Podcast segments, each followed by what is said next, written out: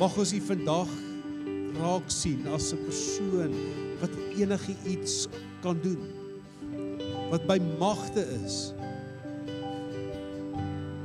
om 'n negatief in 'n positief te verander. Om omstandighede so te laat uitwerk dat dit ten goeie sal wees. Ons eer U daarvoor.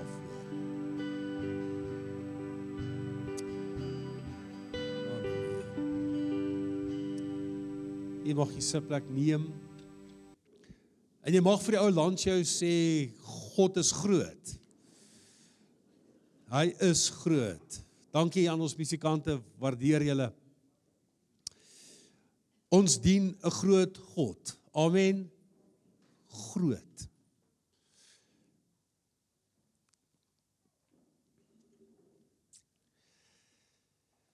As jy jou Bybels by jou het, kan jy slank oopmaak by 1 Samuel hoofstuk 16. Ons gaan daar 'n paar verse saam lees.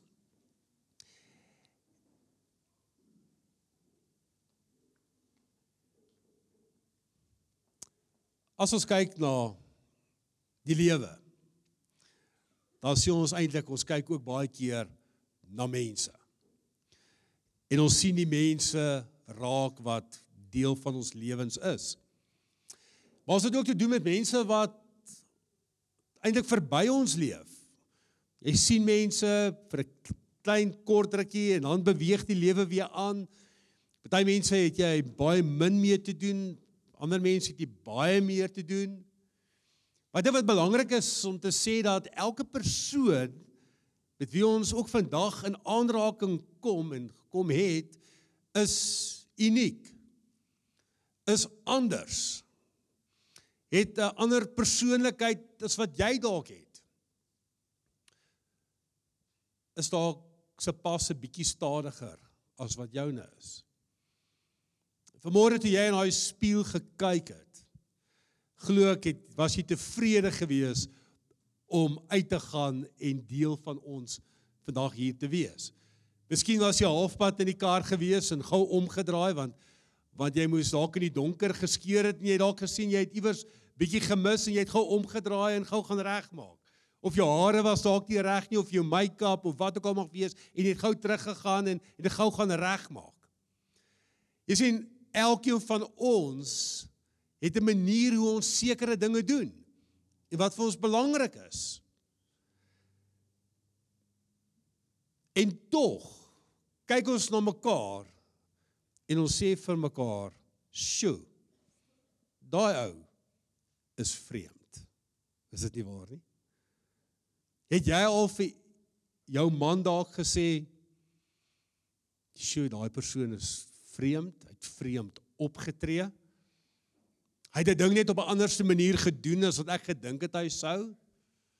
Of jy was in 'n situasie gewees en jy het ervaar maar, "Sjoe, dis vreemd." Ek sou dit nie so gedoen het nie.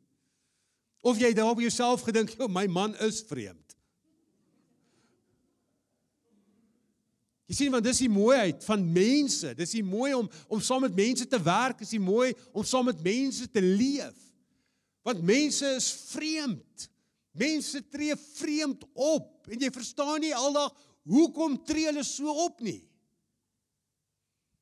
En ek dink dis waar 'n waarde van ons as gemeente ook inkom is om te sê ons het genade vir mekaar. Ons het genade vir mekaar wanneer mense vreemd optree.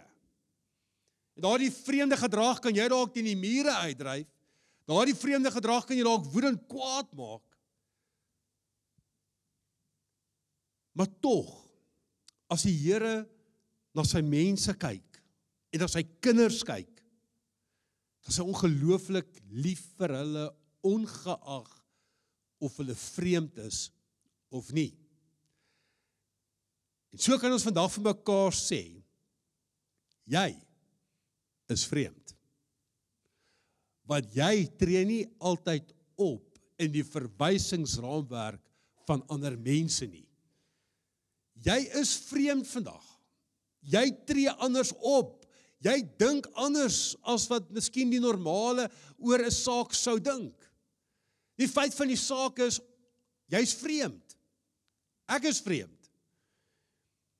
Maar kom ons kyk wat doen die Here as hy na mense kyk. Nie die storie speel af in Samuel en die opskrif is Samuel salf 'n ander koning. Nou hoor wat sê hy. Die Here het vir Samuel gesê: "Hoe lank gaan jy nog oor Saul treur nadat ek hom as koning oor oor Israel verwerp het? Maak 'n horing vol olie en gaan na Bethlehem toe. Ek stuur jou na Isaai toe, want onder sy seuns sien ek vir my 'n koning." Samuel vra toe: "Hoe kan ek gaan? As Saul dit hoor, sal hy my doodmaak." En die Here sê vir hom: "Neem 'n vers saam en sê: Ek het gekom om vir die Here 'n offer te bring. Nooi dan vir Isaai na die offer toe. Ek sal jou meedeel wat jy moet doen. Sal vir my die een wat ek jou sal beveel, wat ek jou sal beveel." Samuel het gedoen wat die Here gesê het. By sy aankoms in Bethlehem het die leiers van die stad hom ontsteld tegemoet gekom en gesê: "Kom u in vrede?" En hy het gesê: "Ja. Ek het gekom om vir die Here 'n offer te bring. Reinig julle en kom saam met my na die offer toe." Hy self het vir Isaai en sy seuns gereinig en hulle na die offer toe genooi. Toe hulle inkom, het Samuel vir Eliab gesien en gedink: "Die gesalfde van die Here staan hier voor die Here. Maar hy sê vir Samuel: Moenie na sy voorkoms of sy buitengewone lente kyk nie, want ek het hom nie gekies nie. Die Here kyk nie na dieselfde dinge as die mens nie. Die mens kyk na die uiterlike, maar die Here na die innerlike. Toe roep Isaai vir Abinadab en laat hom voor Samuel verbygaan en hy dink die Here het ook hierdie een nie gekies nie. Daarna het Isaai vir Samma laat verbygaan. Maar Samuel het gedink, die Here het ook hierdie een nie gekies nie. Nadat Isaai sewe van sy seuns voor Samuel laat verbygaan het, sê Samuel vir Isaai: "Die Here het nie een van hulle gekies nie." Daarop het Samuel vir Isaai gevra: "Is dit al jou seuns nie?" En hy het geantwoord: "Die jongste is nog oor." maar hy pas nou skape op. Toe sê Samuel vir Isaai: "Laat hom laat haal hom, want ons eet nie voordat hy hier is nie." Isaai het hom laat haal. Hy het 'n rooi gelaatskleur gehad, mooi oë en 'n goeie voorkoms. Toe sê die Here: "Staan op, salf hom, want dis hy." Samuel het die horing met olie gevat en hom voor sy broers gesalf. Die gees van die Here het van daardie dag af kragtig in Dawid gewerk. Daarna het Samuel klaar gemaak en na Rama toe teruggegaan. Net tot sover. As ons kyk in hierdie konteks, in hierdie gebeure wat afspeel, sien ons dat die Here neem die inisiatief. Daar's 'n situasie. Saul is koning. Saul val as 'n rol as koning. Samuel gaan deur 'n slegte tyd, hy rou, hy treur, hy's op 'n slegte plek as gevolg van Saul. Hy verloor miskien persepsie van die toekoms. Hy weet nie wat gaan gebeur nie. Dalk sal hulle in 'n doodloopstraat en God kom en hy kom neem inisiatief. Hy kom in en hy verander dit. En dit is nie 'n doodloopstraat nie. Dis nie 'n tyd wat nou verlore is nie. Hy kom na Samuel toe en hy gee vir Samuel 'n nuwe opdrag. En God maak 'n vreemde keuse. Hy neem inisiatief, maar maar tog maak hy of neem hy 'n vreemde keuse. Samuel kyk na die seuns. Eliab kom verby en en Samuel dink dit is hy. Dit is die nuwe koning van Israel. Ek dink hy het goed gevoel. Hy het gedink dis die man. Nou as ons kyk na na Eliab se voorkoms, was hy buitengewoon ook lank gewees. Ek dink hy dalk aan dieselfde gedink as die dag toe Saul gesalf is as koning. Saul was 'n lang man gewees.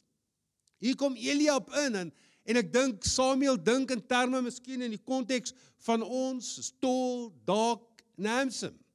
Hy dink dis die man. Dit is die nuwe koning. Selfs in vandag se tyd sien ons ook dat lente nogal 'n baie belangrike rol speel. 'n Studie wat bewys is en 'n klomp groot maatskappye het hulle na hulle hoofuitvoerende beamptes gaan kyk en en gesien dat daardie topleiers is is almal lang mans. Is almal oor ten minste oor die 1 meter 80. As jy in Amerika kyk as jy sien dat dat dit 7 cm lank is 'n gemiddelde man in Amerika. Daar's iets van lank, dit spreek iets. So 'n groot ou, die vertrek instap dan is die aandag so half op hom. Corrie, as jy instap dan dan is deeglik bewus van van hier's 'n groot man, 'n lang man in die vertrek. Jy sien baie keer was daar 'n korrelasie tussen lank en leierskap. Dat 'n lang ou is gewoonlik die ou wat die leiersposisie daar kry. En so sien ons dat in hierdie konteks kyk Samuel na um Isaia se seuns en hy dink dat hierdie jong, lang, aantreklike manne is die manne wat vir Saul gaan opvolg. Een van hulle gaan vir Saul opvolg. En so sien ons maar nee, dit is nie hoe dit werk nie. Hoekom nie? Want God kyk anders na mense as wat ons na mense kyk. Dat hy sê ook in hierdie gedeelte vir Samuel, hy sê nee, jy kyk na die uiterlike, maar ek kyk na die innerlike. Ek sien dit raak wat wat jy met die blote oog van buite af nie raak sien nie.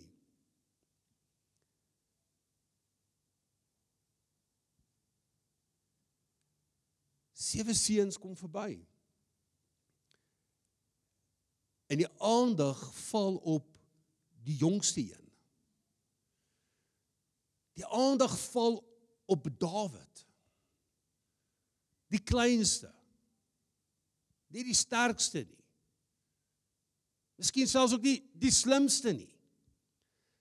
Maar die aandag val op Dawid en God sê ek kies vir Dawid as koning van Israel hierdie kandidaat was nie genomineer van mense af nie. Hierdie kandidaat word deur my genomineer. En dan sien ons iets wonderliks wat besig is om plaas te vind. Sit hy sal vir Dawid. En dan kom die Here en hy kom rus vir Dawid toe. Hierdie skaapwagter. Hy wat niks weet van oorlog nie wat nog nooit eens op die oorlogveld was nie. Die Here kom en hy kom en hy kom bevestig sy roeping, sy salwing, sy koningskap oor Dawid.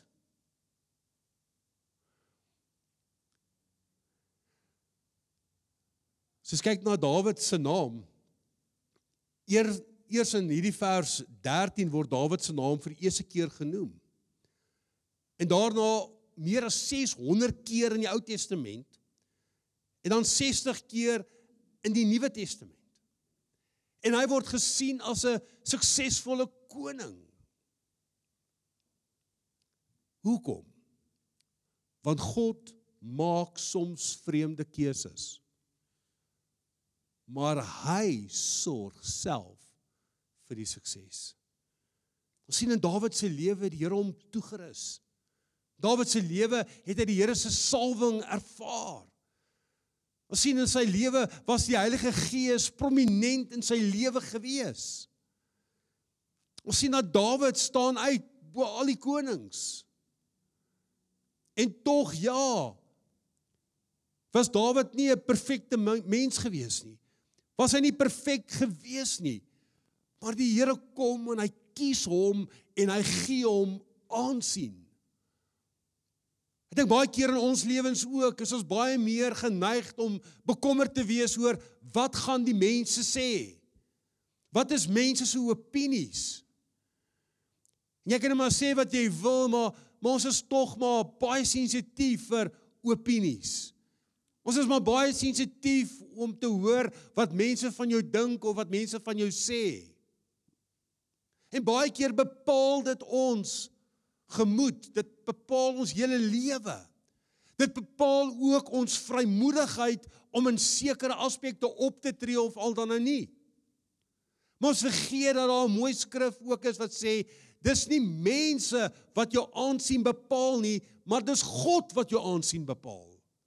Dat dit maak nie saak wat gebeur het nie, maak nie saak wat jou geskiedenis nie, maak nie saak hoe mense jou sien of hoe mense jou beleef nie.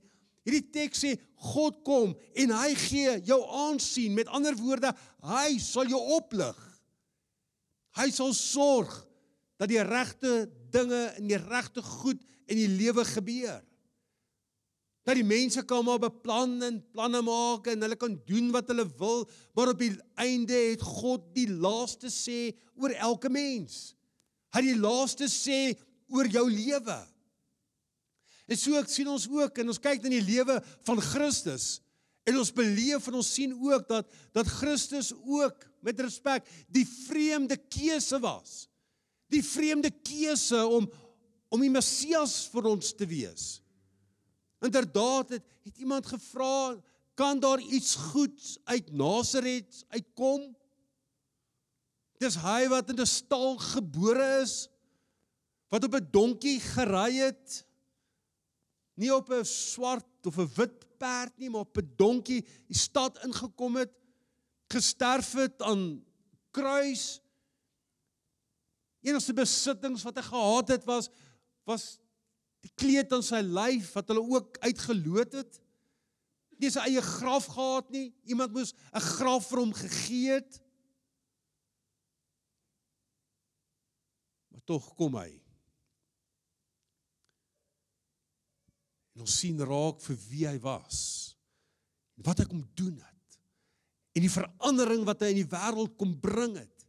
Die verandering wat hy in jou lewe kom maak het dat wanneer hy 'n deel van jou lewens is, dan dan beteken dit jy's op die regte pad. Maar dat jy want maar wanneer Christus nie deel is nie, dan val dinge uitmekaar uit. En so kom hierdie kind wat in 'n stal gebore is, wat nie die aansien as koning gehad het nie, so kom hy en hy kom kom verlos die wêreld van sonde. Hy kom maak jou vry. Hy kom in as 'n verlosser, as 'n redder, as 'n persoonlike verlosser en saligmaker. Vreemde keuses kom vandag genoeg voor. Soos ek gesê het, elke liewe een is vreemd. Elke liewe een tree verskillend op.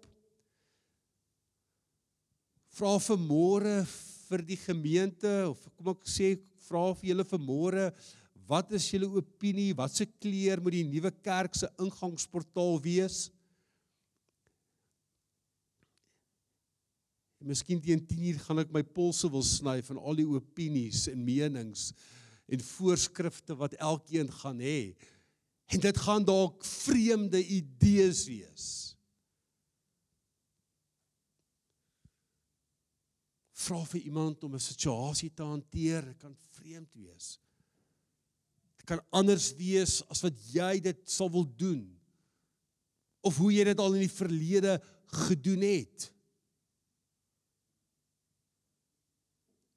Maar om na ander mense te kyk om die vreemdheid eerder in die uniekheid te verander om te besef dat God dit jou uniek gemaak En hy het baie keer 'n goeie sin vir humor en hy het twee vreemde mense as man en vrou bymekaar gesit. Maar saam is daar 'n eenheid, saam is dit julle. Vandag kyk jy oor jou lewe en hy sê ek het 'n plan, ek het 'n droom, ek het 'n roeping vir jou. Ek het 'n werk wat ek wil hê jy moet doen. Ek het jou in 'n posisie geplaas waar iemand anders nie is nie. Jy is in daardie posisie om wat te doen? Om 'n verskil te maak. En baie keer moet ons na ander mense kyk en ook sê die Here het 'n plan met daai persoon. Want die Here het hom uniek gemaak. Hy het hom na sy beeld geskape. En daarom moet ek respek hê vir dit wat vir God se skepping. Daarom sien ek God ook in mense raak. Maar God wat ons geroep en aangestel het, het ons ook gesalf met sy gees. Het ons ook die voorreg om vandag sy gees in ons lewens te kan ervaar. So het ons geroep, het ons aangestel, het ons gesalf met sy gees. En dis hoekom Paulus kan sê ek leef nie meer nie, maar Christus leef in my. Ek leef nie meer nie, maar Christus leef in my. In Galasiërs wat daarby aansluit wat sê daarom is ek tot alles in staat. Hoor sê die boodskap dit wat God van my vra deur hom wat my die krag gee. Wil afsluit. Wat sien jy? As jy in die spieël kyk. sien jy al die negatiewe dinge raak? Ek raak oud. My hare raak minder. My vel lyk nie meer so mooi nie. Wat dit ook al mag wees. Of kyk jy na die spieël en jy sien daardie uniekheid raak wat God in jou lewe geplant het. Sien jy vanmôre raak dat hy vandag 'n plan en 'n droom vir jou lewe het. sien jy hom raak om te besef dat hy my gesalf met sy gees en daarom is ek tot alles in staat. Hoekom? Want hy gee my die krag om dit te kan doen. En dit gaan nie oor mense nie, dit gaan nie oor wat mense doen nie, dit gaan nie oor wat mense van my sê nie. Dit gaan oor wat en hoe dink God vanmôre oor my. En ek kan jou vandag met eerlikheid sê, God kyk af na jou en na my as sy kind en hy het 'n glimlag op sy gesig oor jou. Alle respek dink ek die Here glimlag dalk ook en skud sy kop oor die manier hoe ons baie keer optree. Maar hy sê vandag vir jou en vir my, ek het jou so ongelooflik lief. En jy kan vir jouself sê ek is te kort, ek is nie slim nie, ek het nie die geleentheid nie, ek het nie die kwalifikasies nie, wat dit ook al mag wees, sê God vanmôre vir jou, ek kwalifiseer jou om te wees. Ek kwalifiseer jou om hierdie roeping te leef wat ek vir jou gegee het. Daarom leef ten volle. Laat elke oomblik tel, laat elke dag tel. Leef asof dit die laaste dag is in jou lewe. En bring so